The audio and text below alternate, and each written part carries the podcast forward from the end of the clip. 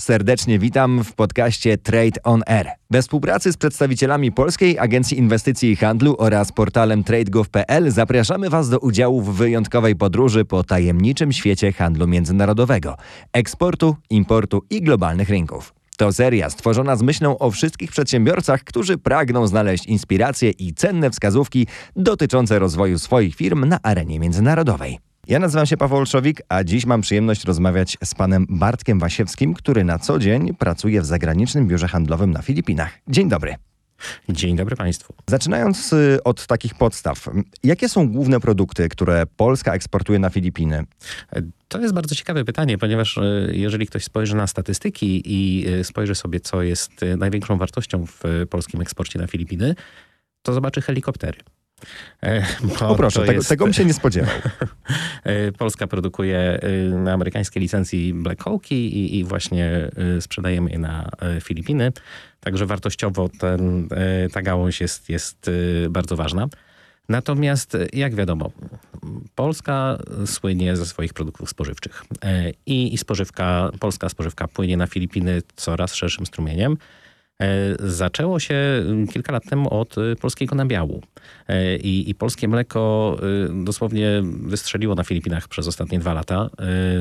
E, Filipińczycy to jest y, duża populacja, to jest 120 milionów ludzi i importują 99% swojego zapotrzebowania na nabiał. W związku z tym mamy tutaj ogromne szanse, ogromne możliwości i mm, mniej więcej dwa lata temu pierwszy raz zauważyłem gdzieś polskie mleko na Filipinach. Potem udało nam się jako zagranicznemu biuru handlowemu połączyć kilku importerów filipińskich e, z naszymi mleczarniami. No i teraz to jest już 100-120 kontenerów e, mleka, samego mleka miesięcznie z kilku mleczarni, które przypływa na Filipiny. E, no i nawet polski turysta, który zajrzy gdzieś do jakiejś kafejki na plaży, prawdopodobnie zobaczy koło ekspresu do kawy polskie mleko, które będzie używane do, do zrobienia jego kawy. Oprócz tego mm, to nie tylko to, ponieważ y, usługi IT i generalnie business process outsourcing y, to jest coś, w czym Filipiny są dobre, Polska jest dobra, w związku z tym są firmy, które y, zakładają tam swoje oddziały. Mamy kilka polskich firm IT obecnych na Filipinach, prowadzących kontrakty na Filipinach. I, I, to jest rzecz, którą jako zagraniczne biuro handlowe też staramy się trochę rozwijać, ponieważ tutaj jest jeszcze ogromny potencjał wzrostu. E, a z takich e, ciekawostek dwie rzeczy, których można się też nie spodziewać. Jedna to jest polskie urządzenia medyczne. E, może część osób nie wie, ale, ale Polska naprawdę jest doskonała, jeśli chodzi o technologie medyczne, o urządzenia, o to, w jaki sposób podchodzimy do naszego R&D i w jaki sposób możemy sprzedawać te, te produkty na zewnątrz.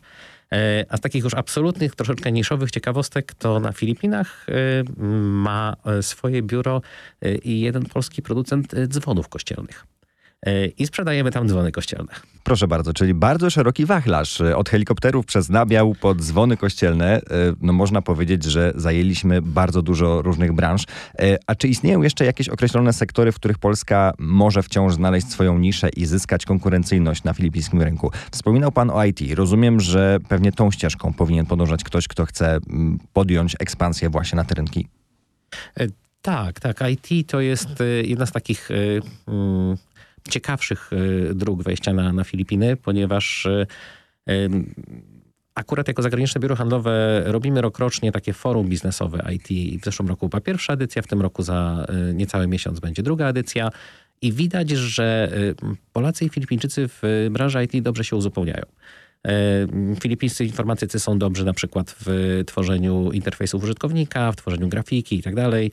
E, Polacy są lepszy, lepsi w rzeczach, które wymagają jakiejś kalkulacji, optymalizacji baz danych, e, takiego hardkorowego, że tak się wyrażę brzydko, kodowania. I tutaj, tutaj mamy jeszcze ogromne pole do współpracy. Natomiast y, Filipiny generalnie są krajem, który właśnie przechodzi transformację. Właśnie dobija do poziomu y, kraju rozwiniętego. Na razie się jest, jest oczywiście tym krajem y, rozwijającym się. I tam jest tak naprawdę bardzo, bardzo wiele możliwości. Jedną z takich nieoczywistych, a z drugiej strony bardzo oczywistych branż, gdzie tak naprawdę polscy przedsiębiorcy mają duże szanse, duże pole do popisu, jest turystyka. Filipiny, wiadomo, wielu z nas kojarzy się to z rajskimi wyspami, z piękną plażą, z palmami i tak dalej. Natomiast tuż przed pandemią na Filipiny przyjeżdżało jakieś 8-9 milionów turystów rocznie, gdzie do sąsiadującej z Filipinami Tajlandii przyjeżdżało 80-90 milionów. Więc e, potencjał rozwoju tej turystyki jest ogromny e, i e, problem polega na braku infrastruktury na Filipinach. Sami Filipińczycy już zainwestowali, zbudowali nowe lotniska, budują nowe drogi, natomiast na przykład brakuje infrastruktury hotelarskiej. Ja mam wrażenie, że polscy hotelarze, którzy w Polsce bardzo ładnie się rozwinęli, nie zawsze jeszcze wychodzą za granicę, bo większość rynków jest nasyconych i dość trudno jest tam zaistnieć. Chociaż wiem, że są już takie przypadki, nawet dzięki, e, dzięki Państwowemu Funduszowi, e, Polskiemu Funduszowi Rozwoju już e, słyszałem o takich przypadkach. Natomiast na Filipinach podejrzewam, że będzie to dużo prostsze ponieważ tam właśnie przez następne 3 do 5 lat będzie funkcjonował, będzie, zaistnieje taki ogromny boom inwestycyjny e, na e, rzeczy związane z turystyką i to zarówno jeśli chodzi o współpracę na przykład biur e, turystycznych, ale też właśnie na stwarzanie jakiejś bazy hotelarskiej. Ta turystyka wydaje mi się rzeczywiście być takim naturalnym kierunkiem, prawda? No bo jeżeli ktoś już y, w tej branży jest, no to siłą rzeczy wiąże się to z podróżowaniem i, i właśnie mm, rozwojem na kolejne kraje i na kolejne rynki. Załóżmy więc, że słucha nas przedsiębiorca, no powiedzmy właśnie ktoś z branży turystycznej, ale też nie tylko, e, który rozważa ekspansję na Filipiny. Jakie są główne bariery i wyzwania, bo zakładam, że pewnie jakieś są, e, z którymi polskie firmy mogą się spotkać przy próbie wejścia na, na rynek e, właśnie Filipin? Tak, oczywiście Filipiny to jest jednak e, zupełnie inny rynek niż Polska, niż, niż Unia Europejska. To jest zresztą bardzo specyficzny rynek, ponieważ z jednej strony rynek azjatycki, z drugiej strony bardzo dużo ma naleciałości amerykańskich. Tam y, Amerykanie byli obecni na Filipinach przez długie, długie lata, w związku z tym na przykład kultura biznesowa y, filipińska jest y, bardzo tak podobna do amerykańskiej. Tak samo drogie są usługi prawnicze jak w Stanach, w związku z tym nie, nie wszystko jest pozytywne. Natomiast z kwestii regulacyjnych, rzecz, z którą nie wszyscy są zaznajomieni, to jest tak zwana lista negatywna. Na Filipinach jest lista negatywna firm, które nie mogą być własnością obcokrajowców. E, i albo mają na przykład ograniczone, y, ograniczone udziały do 40%, maksymalnie 40% udziałów może być y, posiadanych przez obcokrajowca.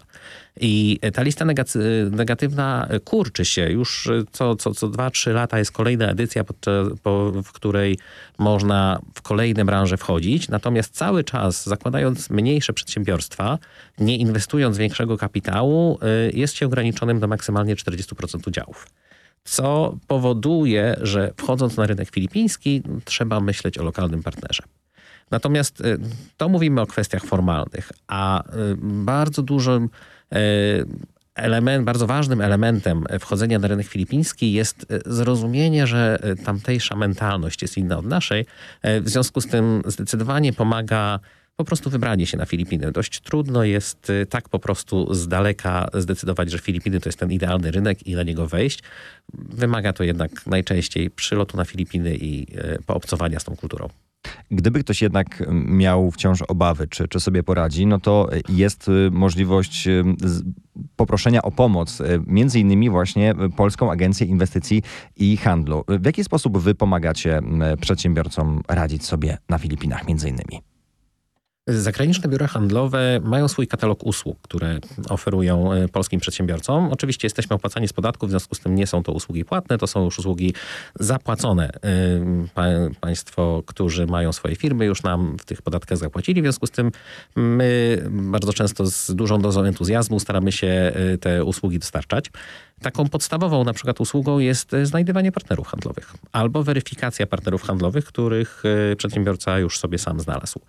E, I to nie jest tylko i wyłącznie weryfikacja, jak na niektórych rynkach e, rozwiniętych, przez sprawdzenie, czy firma jest zarejestrowana, czy e, funkcjonuje jakoś na rynku, ale właśnie porozmawianie z osobami z branży, dowiedzenie się, czy o danej firmie jest jakaś opinia, jesteśmy w stanie to zrobić.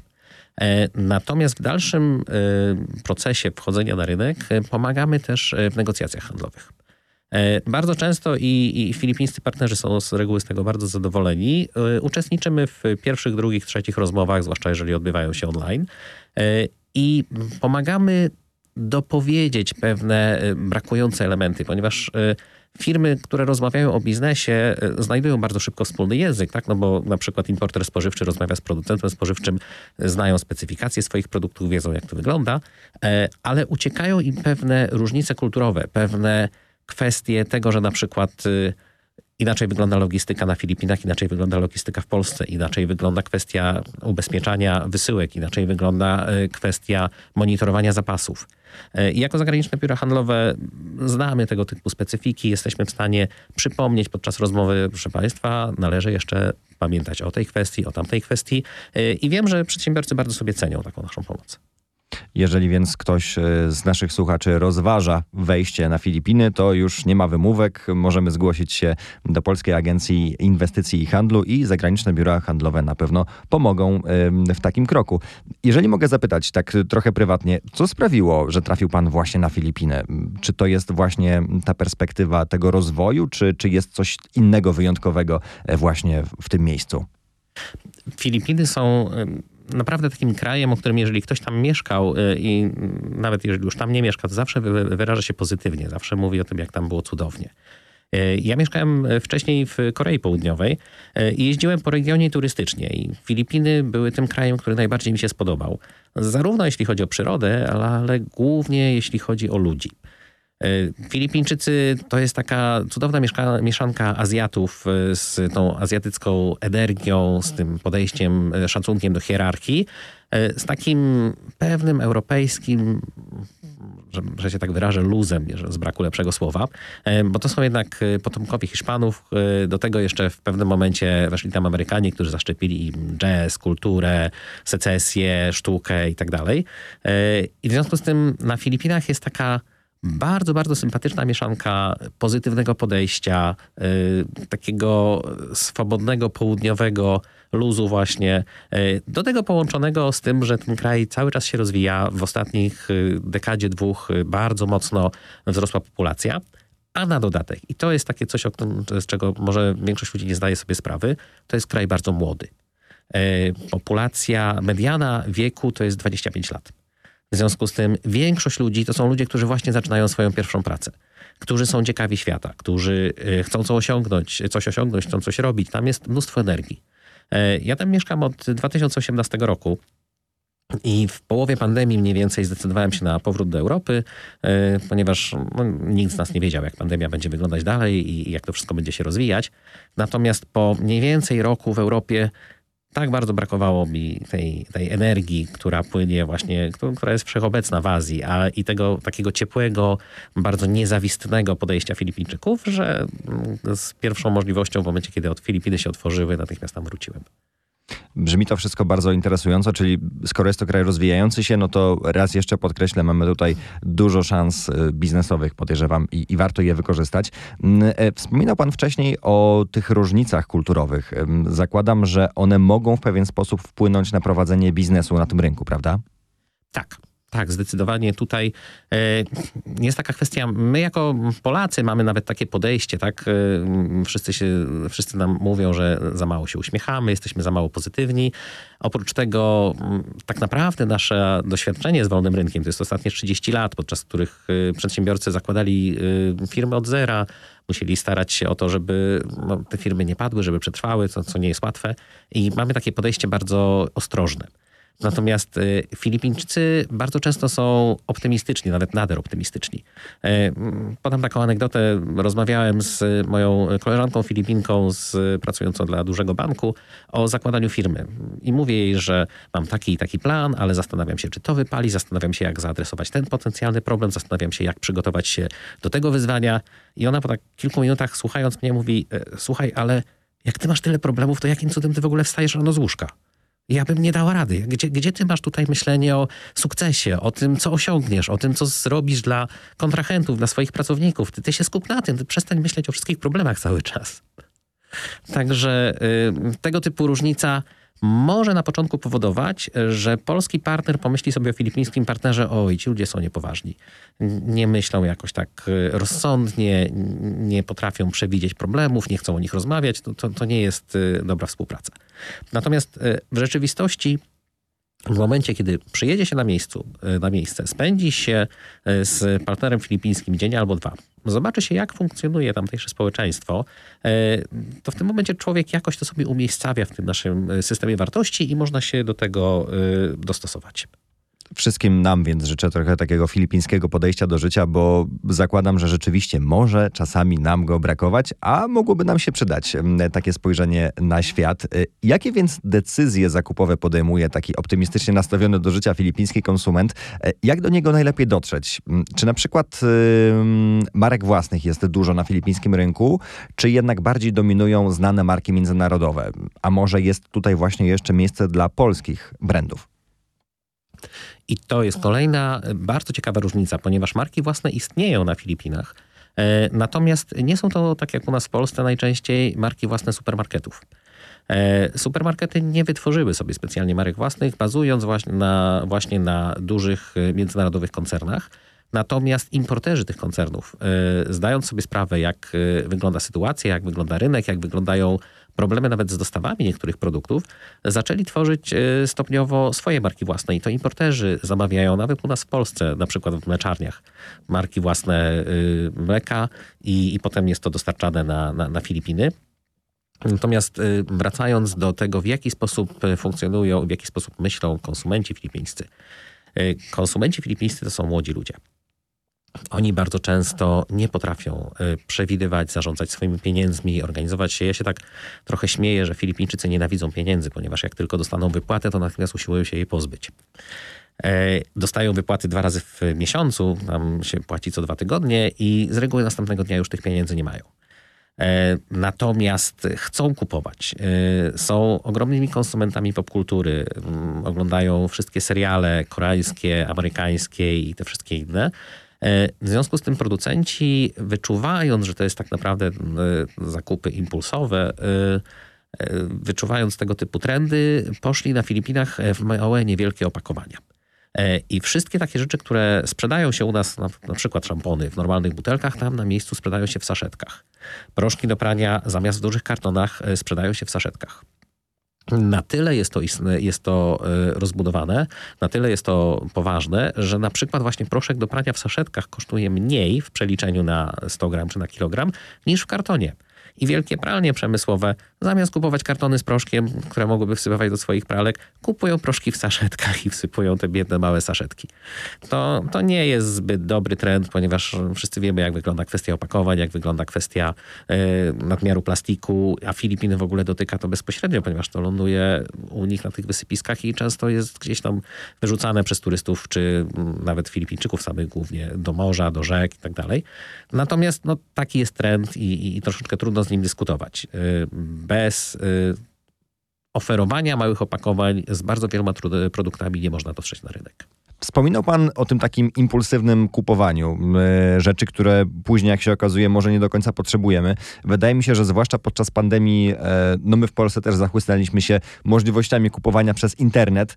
Pamiętam dobrze kolejki do paczkomatów, czy obłożenie kurierów, e, którzy nie mieli wtedy łatwego czasu. Czy więc rynek e-commerce, który u nas ciągle zdaje się rosnąć, jest na Filipinach też perspektywiczny pod kątem właśnie rozwoju, pod kątem wejścia polskiego przedsiębiorcy? Jakie kwestie prawno-podatkowe i logistyczne warto brać pod uwagę, jeżeli chcemy zaistnieć w tej branży właśnie na Filipinach? Rynek e-commerce na Filipinach to jest bardzo ważna dziedzina, bardzo ważny kanał sprzedaży. Natomiast e, faktycznie jest troszeczkę inny niż w Polsce, niż nawet w Europie. I to częściowo ze względu na regulacje, ale bardzo mocno ze względu na, na kulturę sprzedażową, biznesową, jaka funkcjonuje na Filipinach. E, jeśli chodzi o sprzedaż, no to sprzedaż detaliczną generalnie na Filipinach mogą prowadzić tylko przedsiębiorstwa filipińskie. E, nie może polska firma zarejestrować sobie biura e, i zacząć prowadzić sprzedaży detalicznej, Chyba, że zainwestowałaby, ale to są e, kwoty rzędu aktualnie 250 e, czy 450 tysięcy dolarów e, zainwestowania. W związku z tym wiadomo, że no, no nikt nie inwestuje takich pieniędzy tylko po to, żeby uruchomić na przykład sprzedaż internetową. Filipińczycy sprzedają przez internet na potęgę. Filipińczycy mają troszeczkę nasz syndrom sprzed wielu, wielu lat, że każdy poza swoją pracą musi jeszcze gdzieś sobie dorobić, bo jego zarobki nie wystarczają, czy jej zarobki nie wystarczają na utrzymanie. W związku z tym mają swoje biznesy online, gdzie, gdzie sprzedają przez tamtejsze popularne platformy Shopee i Lazadę. Tylko, że z kolei te platformy, co część przedsiębiorców w Polsce będzie wiedzieć po, po, po nieudanym debiucie Shopee na naszym rynku, mają troszeczkę inną filozofię. One nie są tak bardzo nastawione na klienta, nie mają tak czytelnych interfejsów, nie jest tak łatwo tam prowadzić kampanie reklamowe na tych platformach. Troszeczkę, nie wiem, może to już też troszeczkę mój wiek gra, natomiast jak ja próbuję coś tam kupić, to mam wrażenie, że to jest jakiś ogromny chaos. Nie potrafię się w tych platformach odnaleźć. Ale wydaje mi się, że część polskich przedsiębiorców też miałaby z tym problem. Natomiast na Filipinach, i to jest dość unikalne, nawet w regionie, nie ma tak specjalnie w innych krajach, ogromnym kanałem sprzedażowym e-commerce jest Facebook. Nie jest to Facebook w sensie narzędzia sprzedażowe Facebooka, tylko po prostu grupy społecznościowe. Filipińczycy sprzedają przez Facebooka absolutnie wszystko. Każdy salon samochodowy, sprzedawcy, którzy pracują w tym salonie samochodowym, mają swoje dodatkowe profile na Facebooku, przez które sprzedają samochody. E, e, sprzedawane są, nie wiem, na przykład restauracja franczyza, która prowadzi jakąś tam małą pizzeryjkę, sprzedaje te mrożone pizze, które dostaje od swojego dostawcy, również przez e, Facebooka, wśród swoich krewnych, znajomych, wśród swoich właśnie tych grup społecznościowych. Ale również, i tutaj dotykamy trochę regulacji, pewne rzeczy są dozwolone na Filipinach, które nie są dozwolone na przykład w Unii Europejskiej. Na Filipinach można na Facebooku otwarcie mówić o urządzeniach i technologiach medycznych, które nie są produktami detalicznymi.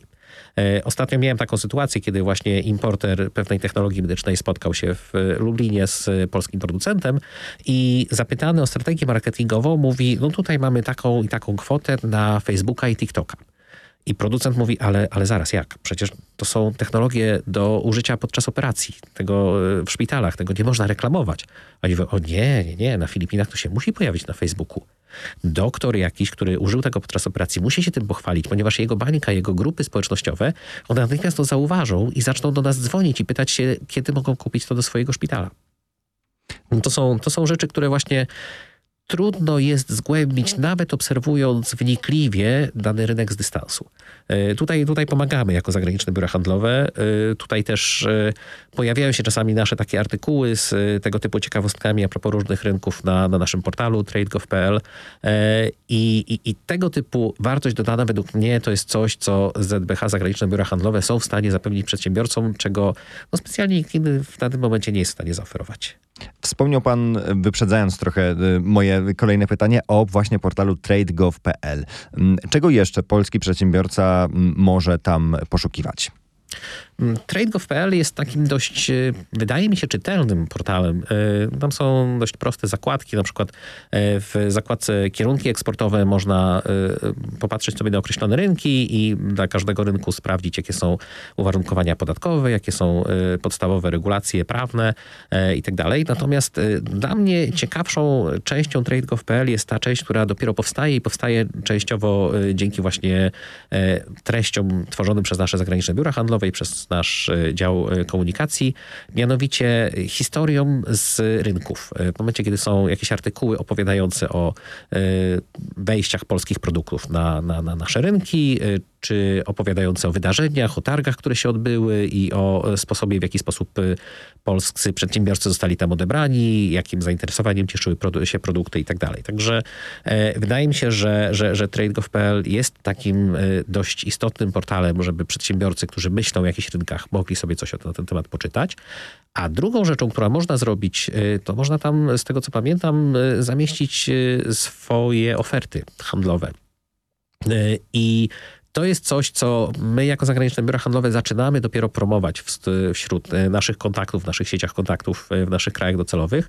E, na Filipinach to jest dość ciekawe dla mnie, ponieważ Filipińczycy nie używają aż tak bardzo internetu, jeśli chodzi o firmy.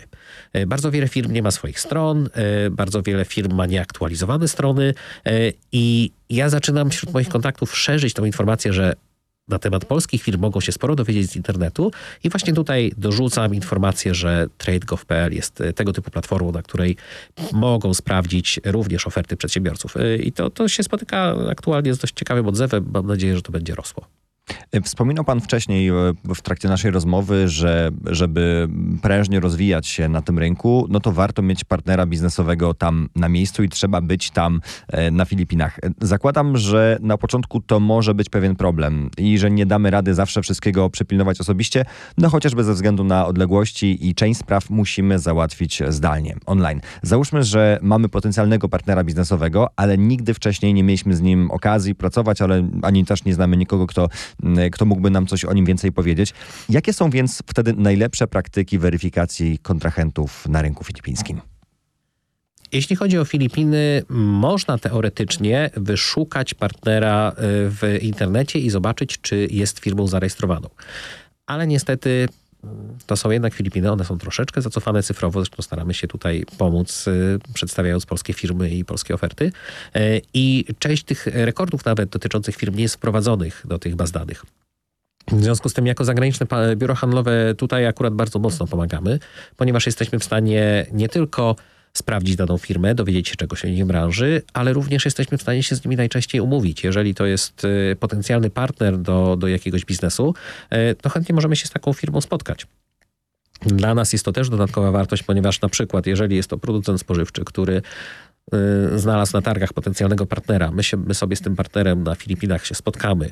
Y, z jednej strony uwiarygodnimy polskiego producenta, mówiąc, że tutaj nasz polski rząd y, zdaje sobie sprawę, że to jest producent, który chce eksportować, my go znamy, my go tutaj przedstawiamy, protegujemy. A z drugiej strony dla mnie spotkanie z takim potencjalnym partnerem oznacza, że ja tego partnera mogę wykorzystywać również czasami w innych branżach. Mieliśmy taką sytuację, gdzie pomagaliśmy w negocjacjach przy y, sprzedaży, nie chcę tutaj szeptać markami, ale y, polskiego producenta czekolady do jednego importera. Zaprzyjaźniłem się z tym importerem i aktualnie on jeszcze importuje polskie soki i y, polskie kosmetyki. Także to, to, to działa we wszystkie strony. Ci, te firmy, które już współpracują z Polakami, są w stanie dużo lepiej rozumieć naszych dostawców. Natomiast jako, jako zagraniczne biuro handlowe potrafimy też wytłumaczyć troszeczkę, jakiego typu jest to przedsiębiorca, jakiego typu jest to partner. E, ja podam taki przykład. Na Filipinach bardzo dużo firm e, to są firmy z kapitałem e, chińskim, przy czym nie jest to Chińska Republika Ludowa, tylko to są te stare chińskie pieniądze, które od wielu wieków funkcjonują w Azji. I te firmy komunikują się w zupełnie inny sposób niż normalne firmy filipińskie.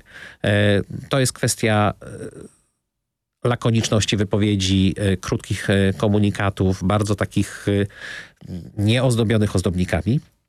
Natomiast firmy filipińskie dokładnie odwrotnie potrafią napisać na temat czegoś, co wymagałoby jednolinijkowca, potrafią napisać dwustronnicowego maila, gdzie bawią się we wszystkie formy grzecznościowe, używając sformułowań w angielskim, których native speaker zdecydowanie by nie zrozumiał, bo nie używa się ich od 100 lat. I, i, I w tego typu sytuacjach my jesteśmy w stanie polskiemu przedsiębiorcy powiedzieć: OK, rozumiemy, ta firma działa w ten sposób. Nie należy się od razu nastawiać negatywnie, ponieważ komunikacja jest taka, a nie inna. Ona wynika z takiego, a nie innego kodu kulturowego. Jesteśmy w stanie to przetłumaczyć. Wspominał Pan o tym, że to podejście do marketingu na Filipinach jest no, znacząco różni się od tego, co, co mamy w Polsce na przykład.